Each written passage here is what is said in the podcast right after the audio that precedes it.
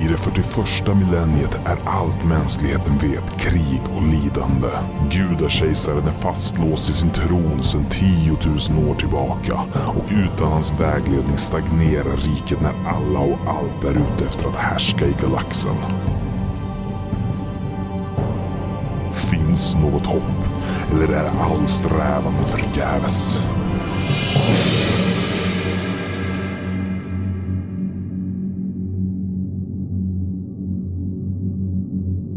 Välkomna tillbaka till den alldeles underbart hemska världen som kallas för 40K. Jag heter Charles. Och mitt namn är Daniel. Och eh, idag så ska vi prata om lite roliga grejer, men innan vi kommer in på det så, så har det hänt ganska mycket på Discord sen förra avsnittet. Ja. Eh, bland annat då så uppstod det en ganska lång och intensiv diskussion kring det här med eh, försvenskningarna av, eh, av de olika termerna som finns i 40K. Ja, för det tåls ju att tilläggas att det är ju ett, alltså 40K-universet är ju ett engelskt verk. Ja, precis. Det är ju på utrikiska i grund. Ja. Så att vi har ju, eller det är väl mest jag egentligen som har varit drivande i, i det här nya eh, vokabuläret. ja, försvenskningen av det hela, av he- hela litterära verket och spelet liksom. Ja, eh, de fria tolkningarna. Eh, Och det fanns ju lite olika sidor kring huruvida det här var någonting acceptabelt eller huruvida det var kätteri. Ja, jag, jag är ju av eh, åsikten att det är kätteri liksom. Det, jag läser ju de, det mest fantasy och sci-fi och sånt där på engelska för att jag föredrar det på det språket. Så jag, jag, jag har lite svårt för försvenskningar av saker. Ja, men samtidigt så tycker jag att det var ett av de inläggen som gjordes som liksom resonerade ganska bra kring det. Att an, an, liksom anledningen till att det antagligen känns så dumt är för att liksom det finns en vana att höra det på engelska, men det är ju precis lika dumt på engelska för den Ja, som ja. är engelskspråkig. Absolut. Absolut.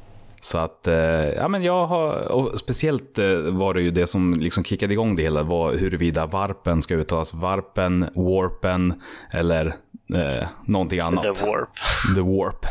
Ja. Eh, och så var det en av våra användare, samma som faktiskt också har gjort den vackra jingeln till, Ja. till denna podd, som gjorde ett stort gräv och faktiskt kom fram till att liksom warp i engelskans betydelse är ju förvridning, men det kommer sig av vävgarn och trådlina och allt det här som, som kommer sig av att varpa garn. Eh, så att eh, den ursprungliga betydelsen eh, the warp är varp på svenska. Så det, man kan säga att det var ju till och med utan att vara meningen så blev det faktiskt rätt. Är Rent, du språkforskare egentligen? eh, nej, det är jag inte, men Latent språkforskare? Du bara har det där, det ligger under allting annat. kommer fram utan någon som helst. eh, Men jag tror vi kommer märka att vissa av översättningarna i dagens avsnitt kommer nog säga motsatsen. Ja, det tror jag också. Men, men eh, utifrån den diskussionen så, så blev det i alla fall att eh, varpen kommer att fortsätta heta. Virrvarret tyckte jag om som ett alternativ, men, eh, men jag gillar Jag varpen tycker bäst. inte det. Jag Nej. tycker inte om virrvarret. Nej, och du tycker inte om varpen. Nej. Du tycker om the warp, Ja, så därför har det blivit varpen. tack. Ehm, yes, men idag så ska vi faktiskt prata om Aldari, de som tidigare är kända som Eldar. Eh, och i förra avsnittet så kallade vi dem för rymdalver. Ja. Och det känns faktiskt lite grann, ja, det är lite nedlåtande mot dem på något sätt, för det fångar liksom inte hela essensen, utan jag tyckte att de skulle få ha någonting eget. Eh, och eftersom att Aldari, då med mitt eh, språköra, låter nästan som äldre, eh, vilket då anspelar på de gamla, eller som liksom gav upphov till dem, så heter numera Eldar Aldari, de heter de äldre.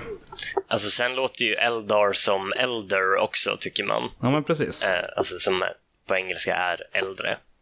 Och då får vi dessutom den här roliga liksom, Ullevi-varianten här i vårt 40K-universum. Eftersom att den som inte känner till det så är nya Ullevi är ju äldre än gamla Ullevi. De två Ja. sportarenorna i Göteborg. Och samma sak får vi här, för att det var ju de gamla som gav upphov till de äldre. Så de är egentligen yngre, fast de heter de äldre. Bra, bra så att vi har det, så, så att vi har den, den, den liksom riktlinjen att gå på att tänk tvärtom bara. Ja. Så har vi det. Så de äldre är yngre eh, än de gamla Än de förstås. gamla. Ja, såklart. Och de gamla vet vi väldigt lite om, men de äldre vet vi ganska mycket om. Ja.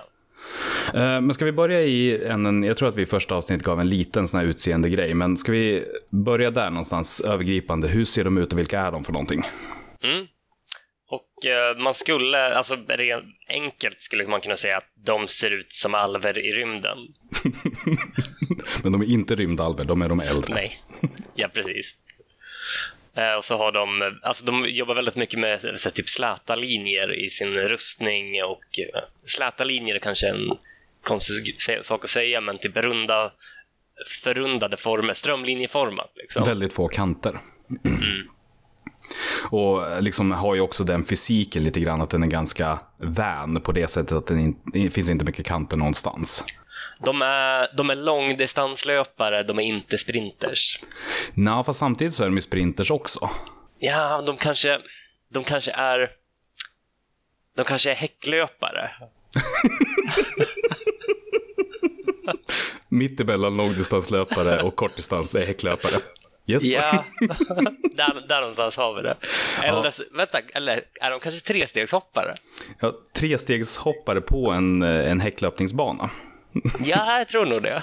För att grejen är att de har ju extremt snabb eh, metabolism och reflexer och är eh, generellt sett mycket smidigare än, än människan. Så att det, jag läste sjunde editionsboken nu igen bara för att fräscha upp minnet och där står det ju att deras hjärta pumpar dubbelt så fort som eh, liksom en människa. Så att de upplever allting, ja, men mänskligheten rör sig nästan i slow motion för dem för att de är så snabba och graciösa. Det är ett intressant koncept. Mm. Alltså att, att, eh, att man ser det ur deras perspektiv och inte att de rör sig snabbare utan att man ser det från deras perspektiv och mänskligheten rör sig långsammare. Det är lite grann som i Spindelmannen när han upptäcker att han eh, har fått såna reflexer i de här första filmerna när, när allting bara går långsamt runt omkring honom. Du tänker uh, Tobey Maguire-filmerna Ja, eller precis. eh, de nya rebooten? Fast det, det är väl ett återkommande koncept i alla dem. Ja, fast en av dem är väl mer, alltså den här, inte den senaste, men den näst senaste rebooten var ju typ att de jobbade mer mekaniskt va? Ja, just det. Alltså att han hade en mackapär un- under handleden som han sköt sakerna med istället för att det var någonting i hans kropp. Men, men de har i alla fall liksom det perspektivet på mänskligheten att, och, och väldigt mycket också en arrogans som kommer till följd av att liksom se de här eh, ointelligenta imbecillerna som struttar runt i slow motion. Liksom. Eh, man kan, Det är väldigt lätt att se ner på det, och speciellt om man är en av de äldre. Ja, precis. Mer man skulle kunna säga om dem det är att de är liksom superkänsliga för varpen. Har alla. Känsliga är, har en lite konstig klang tycker jag på, på, på svenska. Så att det, att det blir att de blir eh, att, att de låter svaga mot Mm. varpen. De är ju mer attuned, alltså att de är mer... eh, De känner den väl, alltså ja, de känner nära den kopplade. mer. Liksom. Mm, Ja, de har närmare koppling till varpen än, Precis. än alla andra. Och det här är ju liksom till följd av att de gamla skapade ju dem med psyk i sikte. ja. Alltså, eh, att, att de gjorde... De skapades ju för att kriga åt dem, liksom. Ja. Eh, och att de skulle vara liksom eh, psykare. Ja. Vi, tills vidare så får det, översättningen av psyker är psykare, men Ja. det kan komma att ändras. Alltså jag tänker att en, en, en psykare är någon som bara sitter och försöker provocera någon. Så här, Stirrar en, intensivt. Ja, pre- precis. Arga leken eller något. Ja, fast det är arga leken fast med rymdmagi, vetenskapsmagi liksom bakom. Precis. Vetenskapsmagi. Men hur skulle du säga annars, vad är att psyka? Alltså i den här kontexten psyka. Det är ju någon form av Ehm. vetenskapsmagi. Ja, ja visst, visst. Okej, vi kör det. Ja, men det är att dra krafter från en parallell dimension som är ren energi och så använda det i, i den materiella världen. Ja, men jag skulle fortfarande inte säga vetenskapsmagi. Jag tycker det känns som en, eh, en eh, oxymoron liksom. Ja, det, det gör det ju, men, men det känns samtidigt som att det är det som allting bygger på också. Den. Eller, eller så är det det att man har lyckats vetenskapifiera det som tidigare var magi. Och därför så blir det vetenskapsmagi. Men då, då, vid den punkten slutar det ju vara magi. Då är det ju vetenskap istället. Fast det är ju samtidigt eh, magi eftersom att man gör skillnad på det immateriella och det materiella. Ja, jag tror vi kommer Ja. komma in mer på det här i, i nästa avsnitt som handlar om kaos, eller då Oredan menar du? oredan. Otroligt bra förslag som kom från Discord. Ja. Mycket kär i det. Dock är ju kaos ett ord på svenska också, så man skulle kunna använda det. Ja, man skulle jag. kunna göra det, men, men det har inte samma klang till sig som liksom de stora orede... Eh, vad heter det? Lord. Korstågen. vad heter lord på svenska? Her herre av oredan. Det har liksom förste. en bättre umf till sig. yeah. Oredans förste. du får följa med här. Till slut så kommer du också gilla det här, det är jag helt övertygad om. jag, jag, tror inte du kan, du kan tvinga mig att gilla det, men jag kan, jag kan, försöka. jag kan försöka lyssna på det. Eh, men det sista som är ganska värt att nämna om, eh, om de äldre, det är också att de upplever känslor väldigt starkt.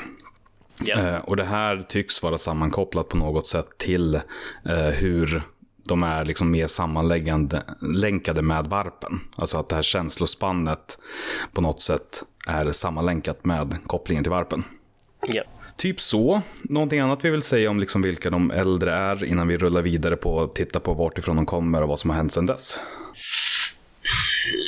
Ja, man skulle väl kunna säga att de har ju funnits i liksom speluniversat nästan från första början. Liksom, mina första minnen är att jag det var dem och så var det Space Marinesen, eller Spasmarinerna och typ eh, eh, Orksen som var liksom de jag såg först i alla fall och liksom la märke till och tänkte på. Mm. Um, och de har ju funnits i nästan så oändrat utseende också. Att det, det har liksom varit en av de mer, eh, vad ska man säga, en av, en av deras ändå, en, ett av de stora dragplåstren för 40K-universat liksom. Ja, och deras eh, fluff och lår har ju varit relativt stabil också över tid. Det enda mm. som har hänt är väl att man har expanderat och byggt ut det mer för att det ska vara liksom mindre rymdalver och mer någonting eget.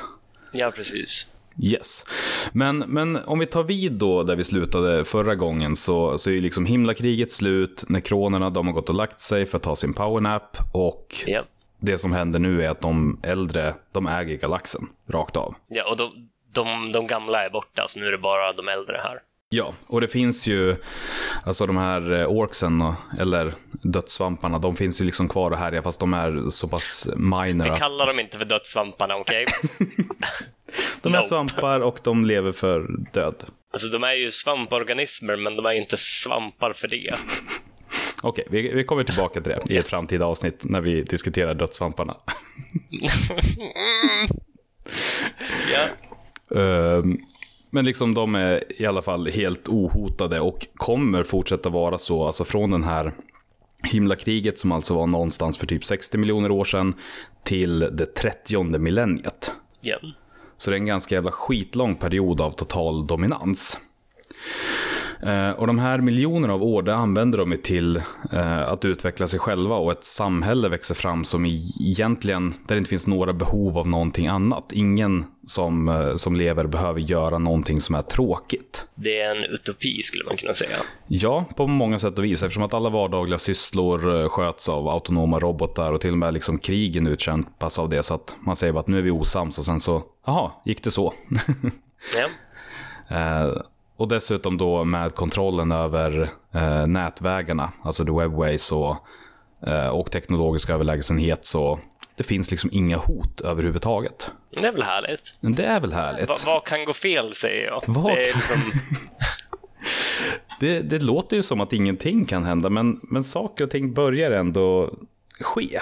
Okay. Eh, det börjar väl med någon slags att den här liksom inneboende stoltheten och arrogansen som, som eh, liksom funnits i de äldre hela tiden utvecklas till någonting mer och plötsligt så är det ganska tydligt att de ser sig själva som, som liksom Übermensch. Yeah. Rakt av. Eh, och ingen annan är värd någonting. Eh, och det här liksom då i kombination med att det inte finns några direkta konsekvenser av någonting heller. Därför att varpen är ju fortfarande en ganska eh, chill plats. Så att alla som dör, ja, men de åker dit, minglar runt lite grann och sen så kommer de tillbaka och återföds. Eh, Härligt. Även om det inte är exakt samma medvetande så att det inte är den typen av reinkarnation. Men med liksom själen är fortfarande intakt och bara tillbaka i varpen och vänder. Mm. Och ja, de spenderar dagarna med att liksom uppfylla varje litet infall som kommer dem till och framförallt utforska nyfikenheten. Det här Det, det bara känns som en, det, känns som att det byggs upp mot någonting, eh, mot någonting negativt nu när, de, när det är nyfikenheten som kommer fram. Ja, det finns som att det skulle finnas en medveten dramaturgisk båge som spänner här. ja. Men än så länge är det ju bara bra, så jag, jag, jag, jag, jag tror jag, det är bara jag som är nojig. Ja, kanske det. För att det de ägnar sig åt det är ju liksom ja, men kultur. Alltså skapa fantastiska magnifika verk och tavlor och dra, liksom, teaterspel och arkitektur och teknologisk utveckling. Och ja, det är ju ganska fint, precis som du säger. Ja. Men några börjar väl liksom i det här ifrågasätta meningen av sin egen existens. Okej. För liksom, det glömde vi nämna tidigare, men de lever ju tusentals år. Och vad Ja. är egentligen poängen med att leva i tusentals år om du inte behövs? Ah, jag ser, jag ser nu. Ja, så att den här liksom arrogansen och stoltheten som vi då pratade om tidigare tillsammans med den här meningslösheten, det börjar liksom äta sig in i själen. Eh, Så vi ser hur, hur olika kulter växer fram som letar efter nya sätt att få kickar. Okej. Ja, så den här strävan efter perfektion i liksom ett värv, eh, eller nya sexuella extaser, Mm. eller kanske smärta och sadism. Så det är någon form av uh, kultdekadens som uppstår liksom. Ja, det börjar liksom bli lite perversioner här och där. Mm. Eh, och det här pågår ju då över tusentals av år på olika sätt. Vem, vem, hade kunnat trott att när, när liksom ett eh, imperium eller ett samhälle uppnår liksom utopi, att det skulle bli liksom dekadens och att de skulle... Ah, men det här, det här mm, ja, det, är- det är nytänkande känner jag. Liksom. Ja, vi har ju inga som helst historiska referenser som vi skulle kunna hänga upp det här på. Nej. Så att eh, det är en ny obeprövad mark. Precis. Ehm, men det finns en hel del som då känner att nej, men det här, nu, nu har det gått för långt. Eh, liksom tar på sig sin Bror Duktig kostym och ger sig iväg i allehanda skepp eh, för att leva någon slags amish-liv på andra planeter. Ja. De känner att nej, men det här, det, det är inte för oss. Vi förkastar teknologin, vi lever simpelt och back to basic. Eh, De kallas ju då för exodites och blir liksom den första vågen av äldre som lämnar det allmänna samhället. Mhm. Men de, eh, ja, de ses väl som någon slags eh, märkliga varelser som, ja, det passade inte för dem. Trist. Vi fortsätter som vanligt. Vi lever vidare i vår, i vår sök, liksom i vår drivkraft av nyfikenhet och ger oss hän och flyttar gränserna för vad som egentligen går att uppleva. Ja. Och de här kulterna driver ju liksom då framåt från det här extrema till det mer extrema tills det liksom börjar spräcka fantasins gränser på något sätt. Vänta, vänta. Du går från det extrema till det mer extrema. Ja, så ja. alltså, Jag skrev det så. Eh, Ja, nej, nej, nej. Alltså, det, var, det, var, det var inte meningen att hacka så, utan det var meningen snarare som bara för att förtydliga hur extremt det var. Liksom. Att det går från extremt till mer extremt. Mm, verkligen. och det som händer då, det är att samhället, alltså det är rättssamhället som ändå finns, det börjar ju krackelera i gränserna och strax så börjar all, allting röra sig mot en pil av total anarki. Mhm. Eh, och då, allt eftersom att det här liksom perversa förfallet sker, eh, så börjar också de äldre att drömma hemska mardrömmar. Åh nej. Ja, allihopa, varenda liten en av dem dröm, drömmer liksom om, vad sa du? Ko- kollektiva mardrömmar. Kollektiva mardrömmar. Ja. Eh, och några av dem börjar känna att mm, det, här, det här känns som någonting. Det här är ett tecken på någonting. Eh, Att vi kanske... gör någonting rätt eller att vi gör någonting fel. Ja, vissa de skiter ju i, men andra de börjar väl känna att så här, mm, det här, om, om nu vårt beteende ska leda till att liksom en hemsk avart och demon växer fram. För att Ja. många av de här visionerna och drömmarna handlade ju just om att men en demon som ska sluka hela rasen eh, ska komma. Ehm, det här kanske vi ska ta liksom lite på allvar eftersom att vi ändå är allihopa som känner samma sak. Ja. Men majoriteten de skiter i och fortsätter liksom fästa loss i vad som nu då har blivit mördande och torterande och allmänt metooande. Eh, Så att mm, så som det beskrivs så är det liksom ett samhälle där inga regler finns och där alla lever efter någon form av känsla att ja, men det här hedonistiska får verkligen plats, att mina behov, eh, det är det enda som betyder någonting. Och ganska många känner då väldigt hemska saker som sina behov. Som eh, mord och eh, annat. Ja, precis. Eh, och det är då den här andra vågen av nej men nej börjar dyka upp. Och då bygger, bygger man enorma craft worlds. Ja. Eller då hantverksvärldar. Japp, japp, det, det är vad vi kallar det här. Mm. Hantverksvärldar. Men de åker ut i världen och så ska de pyssla med sitt och skita i det här gamla. Utan de vill liksom leva sitt eget liv de också. Fast Bygga inte en fågelholk. Ja, fast en fågelholk som fångar någons själ istället. Så att det är lite mer, inte... Själholk. Eh, Så det är lite mer avancerat än, eh, än liksom de här första som förkastar teknologin i, sig i helt och hållet. För att Ja.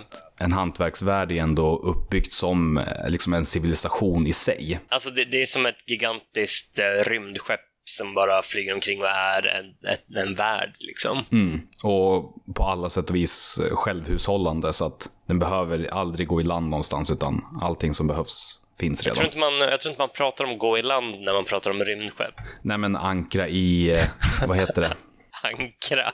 Ja men Ja, I webwayen kanske de ankrar, ja. Nej men, eh, jag har ju börjat läsa Horus Heresy-serien nu och då pratar de jättemycket om att lay anchor i, eh, vad heter det, orbit. Okej.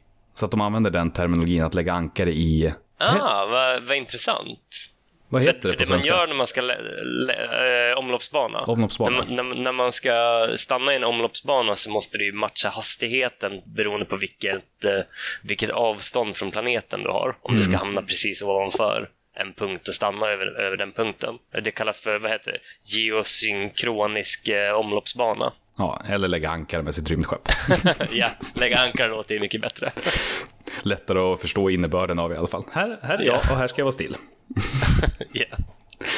Ehm, nej men så de kommer ju bara, liksom, de ger sig av och ska leva sitt liv på de här istället. Eh, Det som kan sägas om de här stora skeppen är att de är uppbyggda av Wraithbone, Yes. alltså vålnadsben. Ja, det... Vi Eh, kom- Men, men, men, men, men vad är det med alla alienraser och att de ska bygga av sitt eget byggmaterial? Som det var, vi hade, vad var det, um, Necrodermis i förra avsnittet Mm. och nu har vi, alltså som var då eh, död hud. Ja, död läderhud, fast Ja, och levande nu metall. har vi vålnadsben. Ja. Och vålnadsben, det är ingenting man bara liksom så gräver fram eller någonting, utan det är faktiskt liksom, eh, inte kristalliserad, men materialiserad eh, varp. Såklart. Så om du tar varpenergi och gör den till en solid eh, tingest, då eh, är det Wraithbone. Ja. Och hur gör man det, kanske du undrar? ja, det är klart att jag undrar. För att hur ska man få liksom, energi från en annan dimension att fastna och bli någonting formbart i den materiella dimensionen? Ja. Jo, man sjunger. Alltså, att jag inte tänkte på det. Så att det finns ett, ett yrke som är eh, bone singer, eller då bensjungare förstås. Såklart. Som, eh, som helt enkelt handlar om att skapa och forma Du, varpen du till sjunger, det här. sjunger fast lite i materiella energi liksom. Mm. Och jag kan verkligen tänka mig att det finns någon av de här liksom rookiesarna som, som är på gång. En, en lärjunge som ska lära sig yrket som inte riktigt har hittat tonen än utan sjunger lite falskt. Och det, liksom, ser du, resultatet blir liksom en lågstadieelevs träslöjdsverk. Jag, jag, när, du, när du började prata om att det var en ung lärling så började jag bara tänka på Justin Bieber av någon anledning. Jag tänkte att han skulle vara en bone singer. ja, precis. Men han, han anses väl ändå som hyfsat begåvad i sitt värv från första början. ja. Även om musiken bakom kanske inte tilltalar mig så, så är väl liksom tonerna sitter ju åtminstone. ja, det gör de. Um, nej men så då sjunger man upp de här stora skeppen och sen så ger man sig av. Ja. Ehm, och de som blir kvar nu, de, eh, där, de skiter ju allt. Alltså förfallet, det är ju helt totalt. Hybrisen, arrogansen och den här totala galenskapen, den har blommat ut i fullo. Vänta, hybris och arrogans, det är ju positiva saker, men sen så har du total galenskap. Det, det, det är en perspektivfråga det där med hybris och arrogans. Eh, men, men om man tar det till sin liksom yttersta spets så tror jag att det kan finnas negativa effekter av det. Okej, okej. Jag, jag litar på dig i den frågan. Um, så att eh, det som en gång var vackert och liksom på något sätt då peak civilisation, utopi som du sa, det är nu Ja. förvridet, perverst och otänkbart i sin råhet. Och det är då det smäller. Nej. Jo, alla de drömmarna som hade plågat liksom, de äldre visade sig vara mer än drömmar. De var nämligen glimtar av framtiden. Ah, de skulle lyssna på drömmarna mer. Mhm. Sensmoralen av historien. Ja, precis. Om du drömmer och alla andra i din ras drömmer samma sak, tänk på att det här kan nog vara någonting. Eh, Så det som händer är då att all den här dekadensen, den har gett kraft åt en tingest som då formas i varpen, eh, nämligen Slaners. Mm. Som då är en av de stora oreda gudarna. Ja, Det oreda rullar gudar. av tungan. Ja. Eh, Den fjärde att, eh, att bli till. Av Ja. de stora i alla fall om vi, om vi räknar. Inte tar in, ja vi säger den fjärde. ja, den fjärde. Eh, Så det som händer är då att en enorm psykimplosion, Också ett bra ord. också ett jättebra ord. inte, det används inte nog tycker jag i dagligt tal. Nej, det är sällan på fikarasterna. Eh, Men i den här enorma psykimplosionen så föds då Slaners. Mm. Och hur stor implosion eller explosion kan du, är det här då kanske du undrar? Man tänker ett solsystem kanske? Ja, det, det är ju en ganska stor explosion får man ju säga. Men faktum är att den här är så enorm att den sträcker sig tusentals ljusår. Oj. Och Ja. allting inom det eh, liksom som nås av den här chockvågen, som träffas av den, får sin själ utsugen ur sig. Och så mumsar Slanners i sig den. Nom, nom.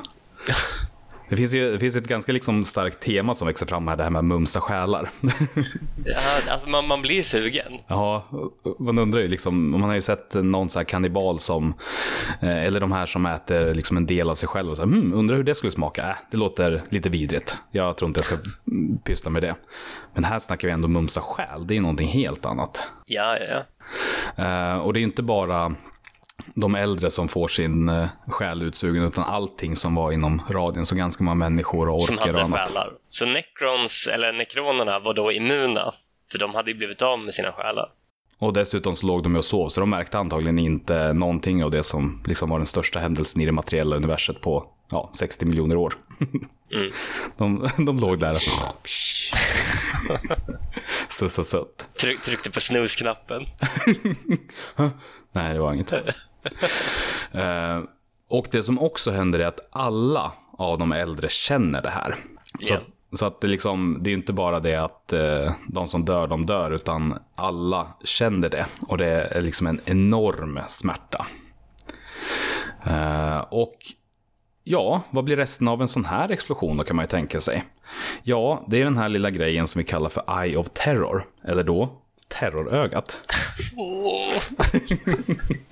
Som, Ja. som liksom blir ett permanent sår som liksom har slitit sönder det som, den här väggen som skiljer i materiet från det materiet. Så det är som en, en brygga emellan. Det kan man absolut säga. Om man tänker Fast sig att, en elak brygga. Ja, det beror på vilken sida man står på. Ja, men med tanke på att den heter Eye of Terror, liksom att det är terror med i grejen, så tänker man inte att det är liksom My Little Pony-bryggan. Liksom. Nej, men du får ju också tänka på att det är ju mänskligheten som har döpt de här platserna, så att, ja. Om man, om man nu väljer att eh, se det som, det, är- det är ju inte bara ondska, det här med oredan, utan det kan ju finnas, det beror på perspektiv va? Ja, det gör fan det. Ehm, sen kom jag på att brygga kanske är fel ord. Jag tänkte bridge och översatte det till brygga av någon anledning, men det är ju såklart eh, bro jag tänker på. Ja, det är väl mer, alltså om man tänker sig att du har, nu ska vi komma på någonting bra här, men tänk dig att du har två ägg. Ja, Eh, och så håller de i varsin hand. Så har du, det ena ägget det är det materiella universet och det andra ägget det är varpen. ja, Sen sätter de här ganska nära varandra och liksom trycker till lite grann så att det uppstår en spricka i båda två så att äggsörja kan glida från det ena ägget till det andra. ja.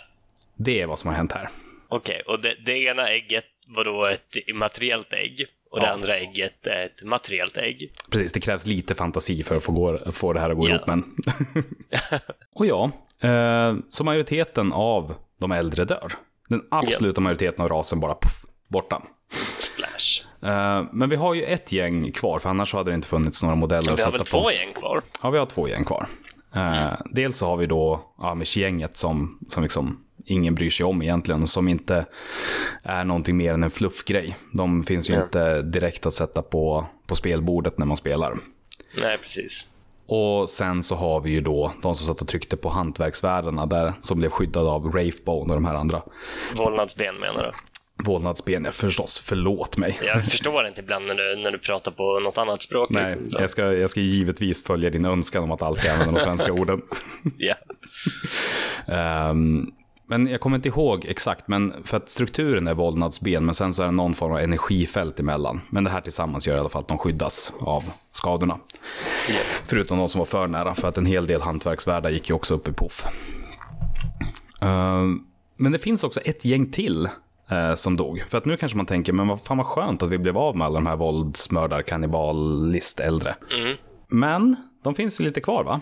Ja, eh, de som äh, gömde sig lite va? Mm, de eh, åkte, de, det fanns ju ett gäng, alltså det, det är lite olika teorier för att det är inte helt klarlagt exakt hur eh, de klarar sig. Men, men den populäraste teorin är att de satt i nätvägen och tryckte. Ja. Eh, så att, och de som faktiskt överlevde där, det är det som vi då idag känner som Dark Eldar eller Drukari. Jag tycker, jag tycker Drukari är ett, ett väldigt bra ord. Mm. Eh, samtidigt gillade jag också Dark Eldar som de hette förr. Ja, men, men jag tycker nog ändå att det är bättre när de försöker expandera, även om det sker liksom rent ur såna här IP-protektionistiska grejer, att allting Ja. ska ha sitt eget namn, så tycker jag nog ändå lite bättre om det än... Det ger liksom lite mer, vad heter det, verklighet till den här fiktionen. Istället Ja, precis. Istället för att de bara skulle heta den mörka varianten av de ljusa liksom. Ja, det, det blir lite töntigt. Mm, ja. För ingenting av det här är egentligen töntigt. Men eh, du har inte... Nej, precis. Det allting, allting är svincoolt än så länge. Eh, du, du har inte... Du har inget eh, svenskt namn på uh, Drukari. Nej, jag har ju inte det. För jag har suttit och funderat och jag har funderat, men jag har inte kommit på någonting än. Så att det dyker väl upp antingen folk på discorden som kommer ge Ja, jag bra tror någon, någon lyssnare komma med något riktigt bra tips här om, om vad man skulle kunna kalla de här Drukari. Mm, jag, landade liksom bara i de mörka, de äldre. Men det blev så himla svårt att säga. Mörkäldre. ja, mörk äldre, äh, det, det liksom fastnade inte för mig. Jag fattade inte tycke. Ehm, men så att det här som vi idag, liksom, i alla fall så var det för mig när jag började spela, att Dark Elder, ja, men det var det som avvek från, från liksom det naturliga tillståndet, de som har blivit förvridna, antagligen av kaos, eller oredan då. Eh, det fick jag ju sen lära mig efter några år spelande att nej men det här, det var alla de äldre. Hur, hur menar du? Ja, ja, precis. Alltså det var... De, eh, de var ju normen då i samhället. Som bara, men de bara råkade att inte vara på plats när eh, liksom, eh, apokalypsen skedde. Liksom. Ja. Eh, Så att när de äldre föll så, så var det en liten eh, grupp som klarade sig, men i, tidigare så var det majoritetssamhället. Ja. Det tycker jag i och för sig är ganska coolt. Ja, faktiskt. Men samtidigt så, alltså sättet de presenterades, framförallt med gamla namnet Dark Eldar, så fick man ju verkligen, alltså man tänkte att det var liksom den dekadenta delen av det normala samhället liksom. Och det var det ju också, bara det att det, den dekadenta delen var majoriteten. Ja, jo precis. Men de kändes som en offshoot-grej, men alltså i eh, oinläst lore-perspektiv liksom. Men att det tvärtom är ju såklart det rimliga när man förstår historien. ja. Sen så, jag har ju inte... Jag har inte så många, eller så djup koll ännu att jag kan säga huruvida det började som bara offshoot-grejen som sen blev eh, någonting eget när man eh, liksom gav det mer kött till storyn. Okej. Ja. Eh, eller om det alltid har varit så här. Det har jag inte, eh, eftersom att jag inte börjat djupläsa Dark Eldar ännu. Nej, okej. Um, men, men det är väl ungefär där vi liksom befinner oss i, i nutiden. Alltså att Ja. det är en döende ras eh, som eh, minns spillrorna av när de en gång i tiden hade det jävligt bra och nice. Eh, tills de inte hade det nice, men, men minnet av liksom nice finns fortfarande kvar. Ja, men alltså det jag tänker är hur ser de ut från liksom mänsklighetens perspektiv? Då är de liksom så här arroganta fåntrattar i höga hattar som glider omkring och försöker fixa saker, typ eh, inte retroaktivt men proaktivt liksom. Att de har sett in i framtiden att eh, ja, på den här planeten kommer X och Y ske om fem år, så därför går vi dit och utplånar alla där. Så de ses ju såklart som onda, eller typ onda från mänsklighetens perspektiv. Men vilken eh, annan ras ses inte som ondskefull och värdig en exterminatus av mänskligheten? Det är sant. Det är, Det är liksom, sant. det är ju deras grundinställning. Jo, jo. Är du inte, är du inte människa så ska du dö liksom. ja.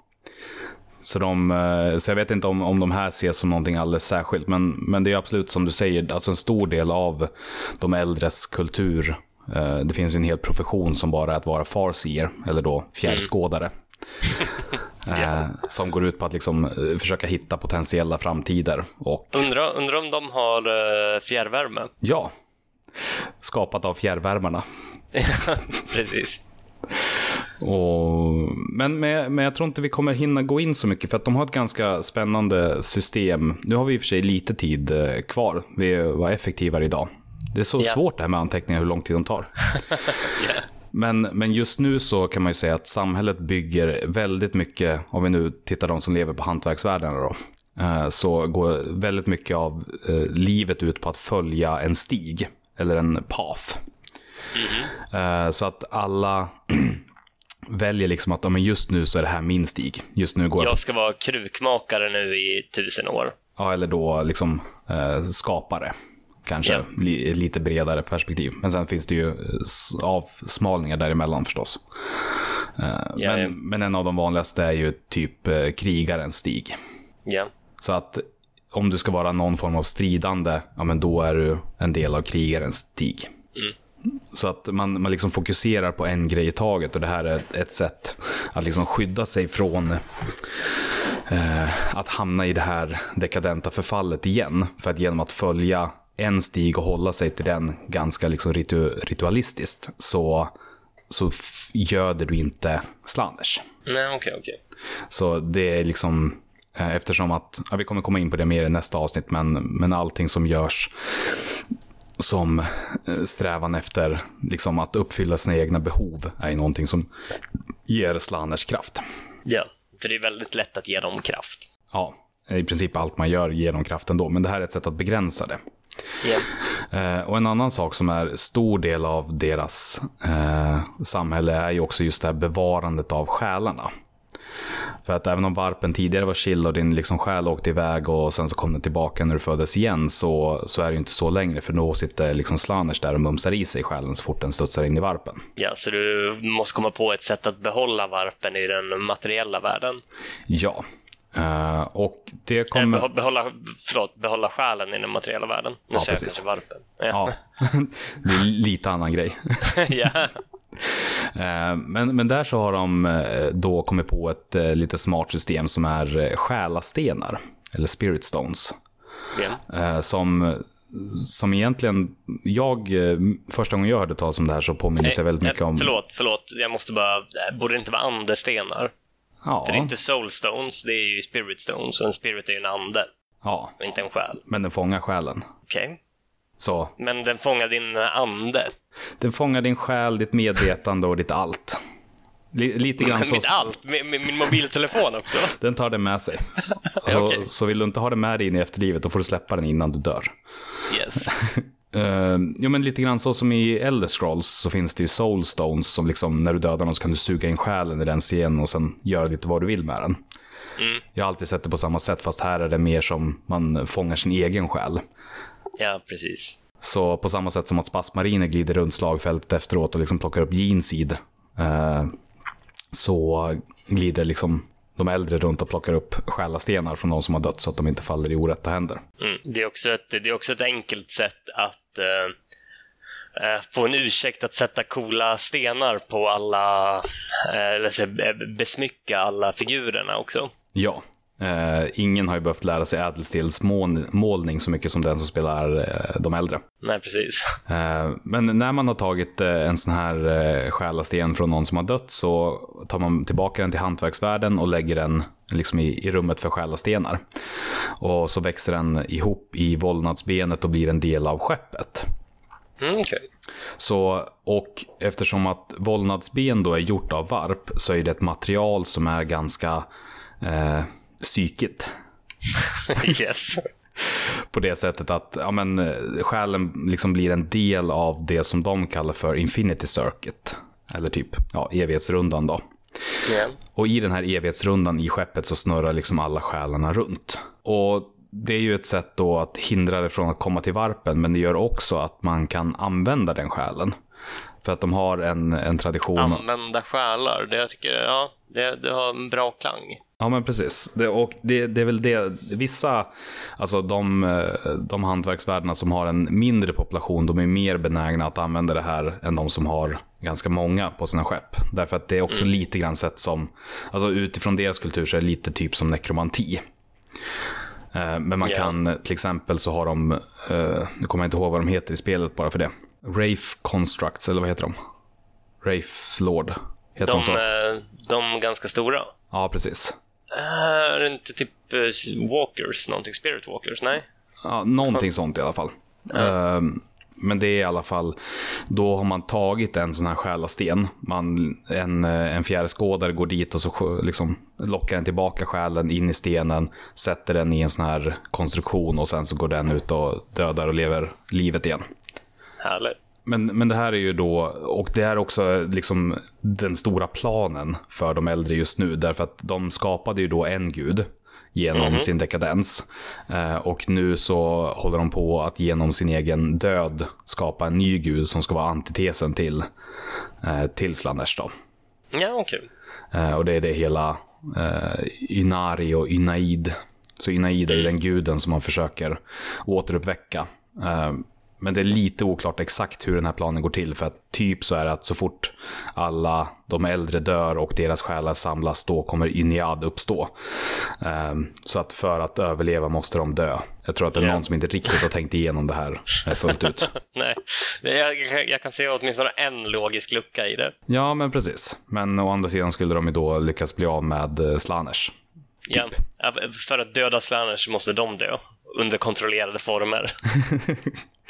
um, men, men huruvida de lyckas eller inte, det är ju sånt som är under utveckling just nu. Alltså yeah. vad som blir av den striden. I det senaste så har ju precis Inari... Yvrein, alltså. Jag sa lite fel där.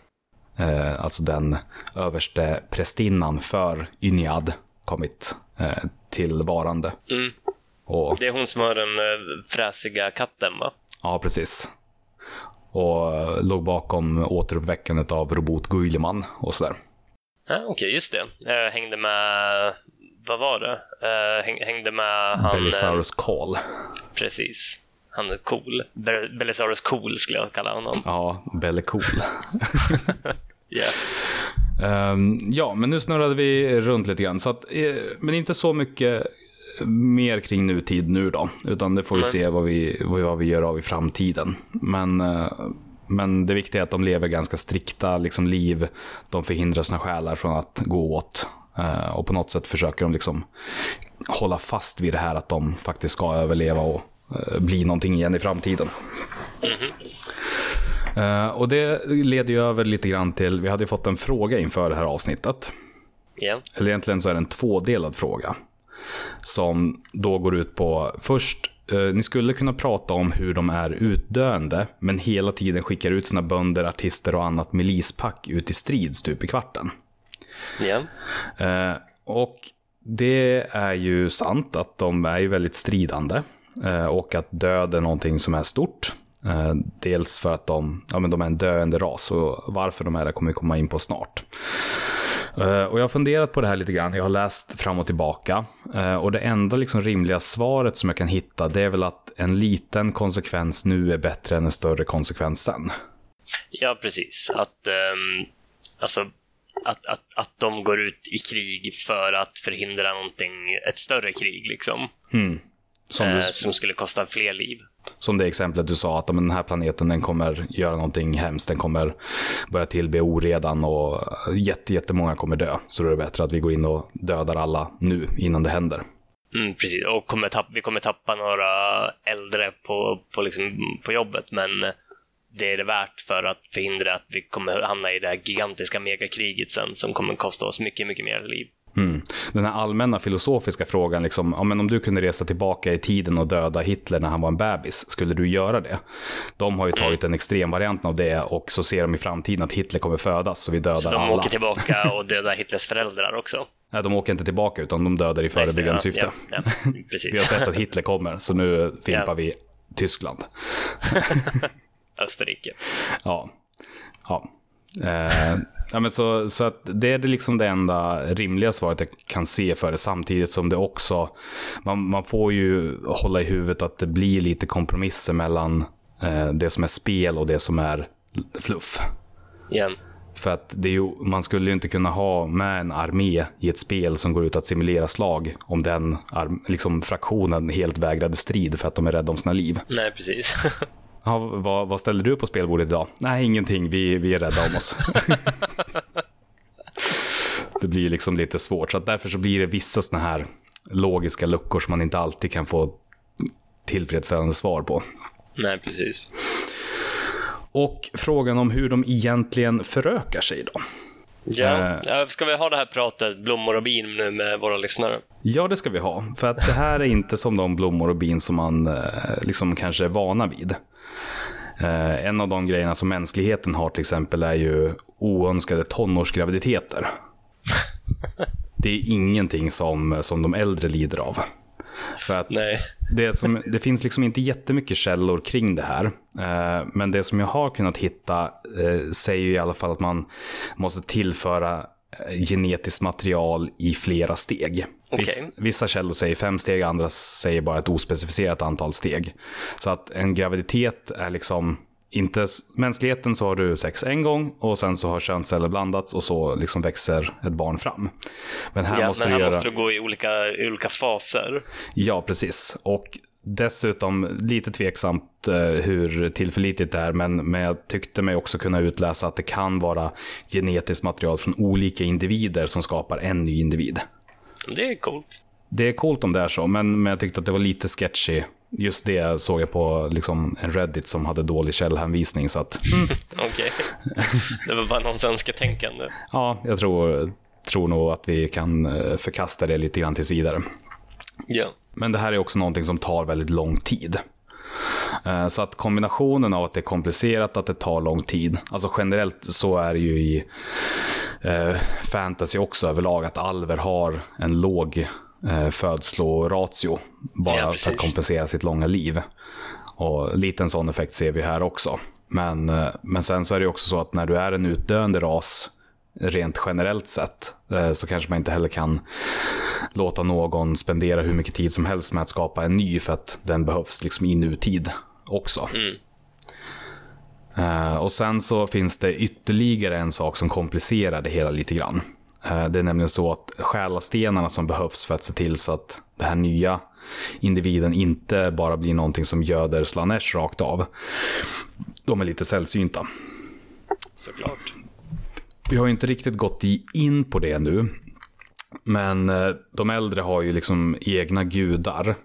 Lite oklart vilka de gudarna är, men de finns i alla fall. Väldigt tydliga, har varit sådana som alltså gudar på det sättet att de har kunnat interagera med de äldre. Okay. Eh, och eh, lång historia kort, men en av de här blev väldigt ledsen när, när den kopplingen bröts. Mellan, så att det liksom blev bestämt att nu får inte vi gudar längre träffa de äldre, utan vi ska hålla separerade. Och då blev en av dem så himla ledsen att den började gråta. Jag tror att det var Isha om jag inte minns fel. Eh, och de här tårarna blev då det som är nu själastenar idag. Ja, Okej, så man måste gå och skrapa upp hennes tårar? Ja, Eh, och de finns ju då huvudsakligen på de världarna som liksom utgjorde civilisationens mittpunkt. Alltså eh, de döda världarna. Ja, de som ligger mitt i terrorögat. Ja, i, ja. Eh, och de kallar de här för Crone Worlds. Och Crone vet vi alla på engelska är liksom den här gamla visa damen som är lite läskig men som ändå har någon form av så här framtidsutskådningsvariant. Yeah. Men crone rakt översatt är ju kärring eller hagga. Så att, ja, eh, haggvärdar eller kärringvärdar. Ja, precis. Så, så de här liksom, eh, själastenarna finns nästan bara på de här kärringvärdarna. Som yeah. då ligger mitt i terrorögat. Så att man ger sig inte bara ut dit på en liksom så här, picknick hur som helst och skaffar lite fler. Utan det är någonting som en, en ganska ja, desperat lite, Det är lite jobbigt liksom. Mm, för där är ju numera oredan och, och härjar runt. um, så att liksom de här två grejerna i liksom kombination tänker jag är den stora anledningen till varför eh, de är en utdöende ras och varför de inte blir så många fler. Ja. Har du någon annan alternativ teori? Um, nej, jag tycker den låter extremt rimligt samtidigt som de också, alltså de, de krigar ju eh, konstant också. För det är ju det är fortfarande bara krig i det för det första millenniet. Så alltså det, det kostar ju liv och de gör inte tillräckligt många nya liv liksom, så då blir de ju såklart en utdöende ras. Ja, och trots att de då har ett psykövertag och ett teknologiskt övertag på många så, så är liksom deras situation någonting i sig som gör att de eh, med största liksom, rimliga sannolikhet aldrig kommer bli en galaktisk spelare igen. Nej, men det var väl det om det. Ja, precis. Eh, fluffdelen av, av vår podd. Ja. Hade du tänkt någonting kring någon hobbyhistoria för idag? Ja, alltså eh, personligen så har jag hamnat lite, i lite av en hobbysvacka där jag liksom inte känner att jag har tid eller energin att liksom sätta mig och måla eller sätta mig och pyssla och bygga.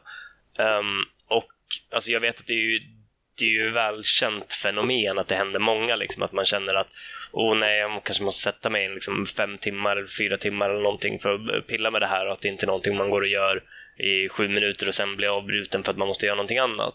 Mm. Så jag tycker det är lite tråkigt, eh, men såklart alla hamnar ju någon gång i de situationerna i livet där det blir så. Um, Men har den här blivit då sammankopplad med någon slags uh, uppsving av det digitala spelandet? För det var väl där liksom hela hobbyuppsvingen kom, för att du fick en ja, svacka i, i datorspelandet? Ja, ja, jag hade liksom inget, inget datorspelande att, att pyssla med en stund och då kände jag att jag ville göra någonting annat. Uh, och då började jag liksom uh, köpa figurer och måla dem och sånt där. Och så nu känner jag att jag har hittat roliga spel igen och då blir det också, alltså, jag tror det är en kombination av, eh, av dels att jag har mer saker att spela samtidigt som eh, jag inte känt att jag haft energin eller tiden över. Liksom. Att, för det blir mycket enklare att sätta sig en halvtimme och spela ett spel än att liksom, ta fram målargrejerna, ställa fram airbrushen och liksom rigga upp uh, ventilationsutrustningen för att, för att airbrusha. Och sen uh, rengöra den varje kvart. precis. Um, så det, det, är någonting med att det är, det är en enklare fix i, i dekadensen för mig, liksom, att, att sätta mig och spela lite istället. Just det. Men, men är det här någonting som du liksom känner en sorg över då, eller är det så här... Ja, lite, li, lite sorg, uh, men framför, alltså, mest att det är liksom tråkigt att jag känner att jag skulle vilja ha det att man skulle kunna sätta någon timme i veckan. Så en pysselkvart, eller en kvart är för lite, men en, en pysselkväll eller någonting, att jag borde strukturera upp det på något sätt. Samtidigt vill man kanske inte reglera sin hobby för mycket på, på, på, på ett mekaniskt sätt. Liksom. Det kanske är ett osunt sätt att göra det. Utan nu har jag bokat in ett möte får... med mig själv där jag ska utöva min hobby. Boka in ett möte med sig själv låter som någon... Det låter som någonting annat. ja, precis. Ja, men det där, men... Jag, jag kan känna igen mig i den känslan för att jag är ju inne i en svacka som, eh, som liksom har, alltså när det kommer till figurmålande, den har ju varit liksom i flera år. Men det har ju mest berott på att jag inte har någon plats där, liksom, där jag kan låta grejerna stå. Utan att jag hela tiden måste ta fram och ta bort det. Och det har liksom blivit en tröskel större än, än värdet av målandet.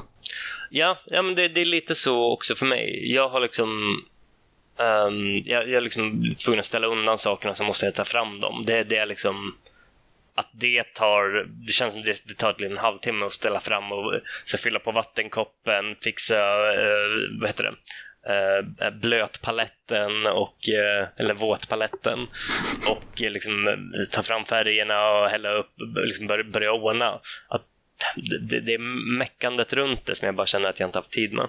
Ja, för när man väl är inne i det, då flyter det ju väldigt liksom, automatiskt. För då ligger ju våtpaletten och fortfarande är blöt och liksom, ja, då är det bara att plocka upp det. Precis. Men mm. det är också det när man känner att man kanske inte har en tre kvällar i rad att göra det, liksom, utan man kanske bara har en kväll. Och då plocka fram det för att sen plocka bort det igen samma kväll är ju trist. Men det som jag har som jag liksom aldrig övergivet men fortsätter väldigt lågintensivt med det är terrängbyggandet. Och men det är yeah. för att jag alltid har gjort det nere på föreningen. Uh, och där finns liksom alla grejerna så då kommer jag bara ner och så gör jag klart det. Men, men takten är ju extremt låg för tillfället. Eh, Jag la upp Ja. bilder lite grann på det jag hade gjort i, i Discorden och sen fick Ja, jag, jag såg. Jag såg. ja, och så fick jag dagarna efter upp ett Facebook-minne när jag hade postat när jag senast pysslade med det. Det var ett år sedan. Så att jag håller mer på och pysslar i huvudet än vad jag gör i praktiken. Mm, ja, jag förstår. Eh, Men det, det har blivit mer sen, eh, sen liksom barn kom in i världen så har det liksom inte funnits det utrymmet att ha ett område som är helt i fred. Nej, nej, men alltså det är ju självklart också, men... Ja. Nej, man, man bara önskar att, man, att det fanns fler timmar på dygnet på något sätt. Mm. Samtidigt som jag också tänker mig att jag har väl lite grann eh, kommit så pass långt i, i min lågintensivitet att jag inte ser det så mycket som en sorg längre. Därför att då blev det ju väldigt mycket det här, men nu måste jag göra, nu måste jag. Och då försvann glädjen lite grann i det. Ja, så nu, precis. nu tar Det- jag det liksom när tillfällena dyker upp. Det är den positionen jag inte vill hamna i, liksom att jag tvingar mig själv till att göra en hobbykväll, utan att det ska bli, att det ska bli naturligt. Nej. För det som jag har liksom tagit upp istället nu på sistone, det är ju läsandet. Alltså, De senaste åtta åren har jag kanske läst eh, två skönlitterära böcker. Jag har liksom haft en Okej. jättepaus i det. Men sen så Jag, trodde, jag trodde du var mer läsis än så alltså. Ja, jag, jag har haft en självbild och eh, säkert då projicerat en bild av att vara mer än läsis. Eh, men- Jag, jag läser nog kanske en eller två böcker i månaden. Ja, nej, för att nu liksom med eh, det här 40K-uppsvinget, alltså med att verkligen dyka ner i fluffet, så har det kommit igång. Ja, men det, det förstår jag också. Det är, fast jag, jag gillar att läsa det mindre skönlitterärt. Jag, jag gillar att läsa det som, som historiefakta. Liksom. För jag, jag, I verkliga världen gillar jag historia. Liksom jag gillar, gillar att läsa riktig historia. Så därför tycker jag att det, det är skojigt att läsa fluffen som att det vore riktig historia fast det inte är det. Liksom. Ja, men det, det är ju all... eh, ja, jag, jag vet inte, jag har lite samma approach också. Alltså till all fiktion, att liksom hitta vad är det som utgör den här världen och på vilket sätt. Mm, ja, precis. Världsbygge är ju superskojigt och intressant. Så nu har jag ju då sen i november så har jag hunnit läsa ut tre böcker om Space Wolves och jag har läst ut de två första böckerna i Horus Heresy-serien. Ja, coolt. Så det har liksom verkligen blivit en enorm uppsving i, i läslusten istället. Och den känns det, är lättare. också, det är också ganska praktiskt spelt, kan jag tänka mig, om man har barn, att, eh, att, att läsa. Liksom. Det, är, det är inte för svårt att slita sig ifrån det och det är inte så mycket commitment att ställa fram boken och börja läsa. Liksom. Nej, men mitt, mitt största problem liksom under den här eh, stora icke-läsisperioden har ju varit att jag har känt att jag inte har ro nog att sätta mig med en bok. Ja, okej. Att det liksom känns som för lite att göra. Jag vill hellre titta på en film och spela ett mobilspel samtidigt, för då får jag ut tillräckligt mycket av min tid. titta, titta på en film, spela ett mobilspel, lyssna på en podd och eh, jag vet inte. Vad, vad, vad mer kommer jag göra samtidigt? Laga Eh, middag? Ja. Nej, men så jag liksom kände sån stress kring att så här, bara sitta ner och läsa. Eh, trots Ja. att det skulle liksom då eh, omnämnas som en slags rogivande aktivitet. ja, om man kan finna ron till att göra det. Ja. Men det är samma sak med målningen också, för att jag har alltid Ja. jämfört den med, eh, för, förr i tiden så liksom simmade jag på elitnivå. Och jag älskade att simma för att det blev liksom lite grann som meditation. Kroppen gör någonting, men vattnet runt huvudet gör att det ändå finns utrymme att tänka på annat. Eh, och på samma sätt så har figurmålningen varit det, liksom, det är något som kräver full fokus, men ingen som helst tankeverksamhet. Ingen som helst tankeverksamhet. Nej, men har jag väl bestämt, ja, men nu har jag en skåd. De ska ha rosa tröjor på sig. Då liksom sitter jag där och så målar jag rosa på deras tröjor. Och sen så när jag har gjort det, då tänker jag, hmm, undrar hur jag ska highlighta det här. Okej, då går jag vidare. Ja, Men Det är ändå någon form av eh, tankeverksamhet. ja, det är klart det är, men, men i, ration, Nej, jag, fokus, jag, förstår, tanke. jag förstår vad du menar. Jag förstår vad du menar. Ja. Ehm, så att det är väl, men, men, men det är just det här, hitta ron till att hitta ron. Det är väl det som är problemet. Ja, men ska vi kanske runda av det här för idag då? ja det skulle vi kunna göra. Och ja, du har ju börjat pyssla med någonting eh, ganska skoj på, på, på fritiden utöver den här månadspodden. Som ändå Ja, är precis. för öronen. Vi kommer ju bara ut med den här podden eh, med ett, ett eh, avsnitt i månaden. Eh, så jag gör också en annan podd på sidan om som heter Spelsekten där bland annat jag då, min syster Nanna, Petrina Solange, Marcus Johansson, Björn Karlsson från Tv-podden och Thomas Leaf sitter och pratar om eh, spel. Men hur passar du in i den konstellationen egentligen? För det är ett gäng komiker, en speldesigner och sen är det du. Eh, jag är ju proffsspelaren. Just det. Eh, pro-gamer då. Och, och det är ju också någonting som är sprunget ur liksom ett, ett långtgående projekt. För att vi träffades ju genom det som var föregångaren till den podden. Så det här är ju... Precis. Du har ju poddat spel länge. spelpodden då. Men så det, det kan man liksom lyssna på om man vill ha en mer liksom kontinuerlig fix av ett bredare spann av spel. Ja, den finns på spel, www.spelsekten.se och man kan också söka på spelsekten i vilken eh, poddapp som helst. Är det, är det en faktisk sekt eller är det bara ett häftigt namn? Ehm, jag kan faktiskt inte svara på det. Det är en gemenskap. Det är en, det är en gemenskap där man har trevligt och spelar spel. Eh, och eh, även för min del så kan man ju höra mer av mig. Jag poddar ju lite grann också eh, på sidan av. Om det är någon som mot förmodan har liksom, eh, jag tänker mig att skärlinjen mellan de som gillar 40K och de som gillar eh, spel generellt, den, eh, det är en ganska bra överlappning där.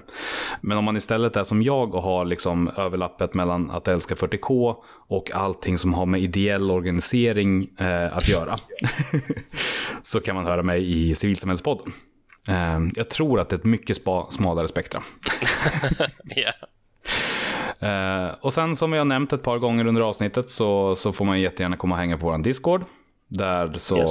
har det börjat liksom ta fart med ganska eh, bra och roliga diskussioner. Bland annat det här med språk då, eh, på sistone. Men även några som visar lite bilder vad man pysslar med och sådär som kan inspirera ur svackan. Ja, precis. Ja, det tycker jag, det har jag faktiskt fortfarande, känner att jag har tid för, att sitta och kolla på vad andra gör och bli inspirerad av andras projekt. Ja, men det har jag Eh, det- alltid det- Mm. gjort också när jag inte målar själv. Då tittar jag på vad andra gör för att lära mig någonting nytt till den dagen när jag kommer börja igen. ja. Eh, det finns en Facebook-sida.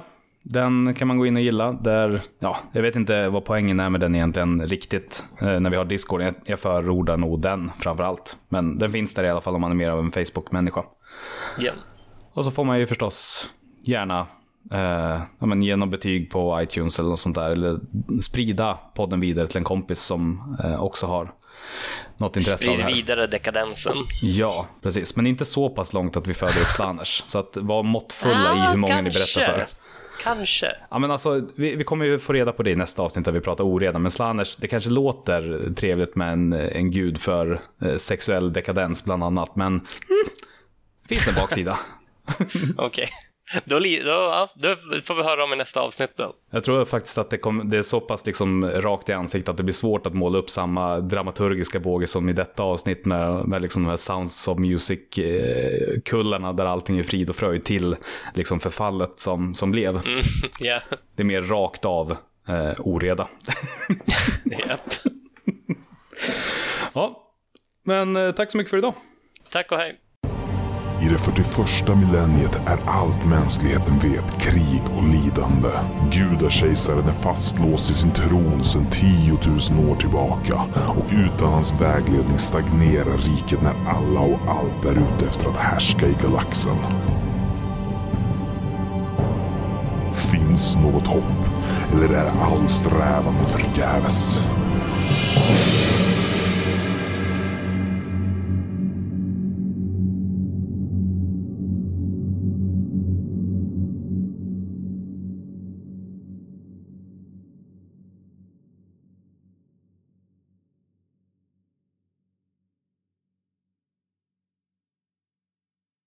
嗯 哼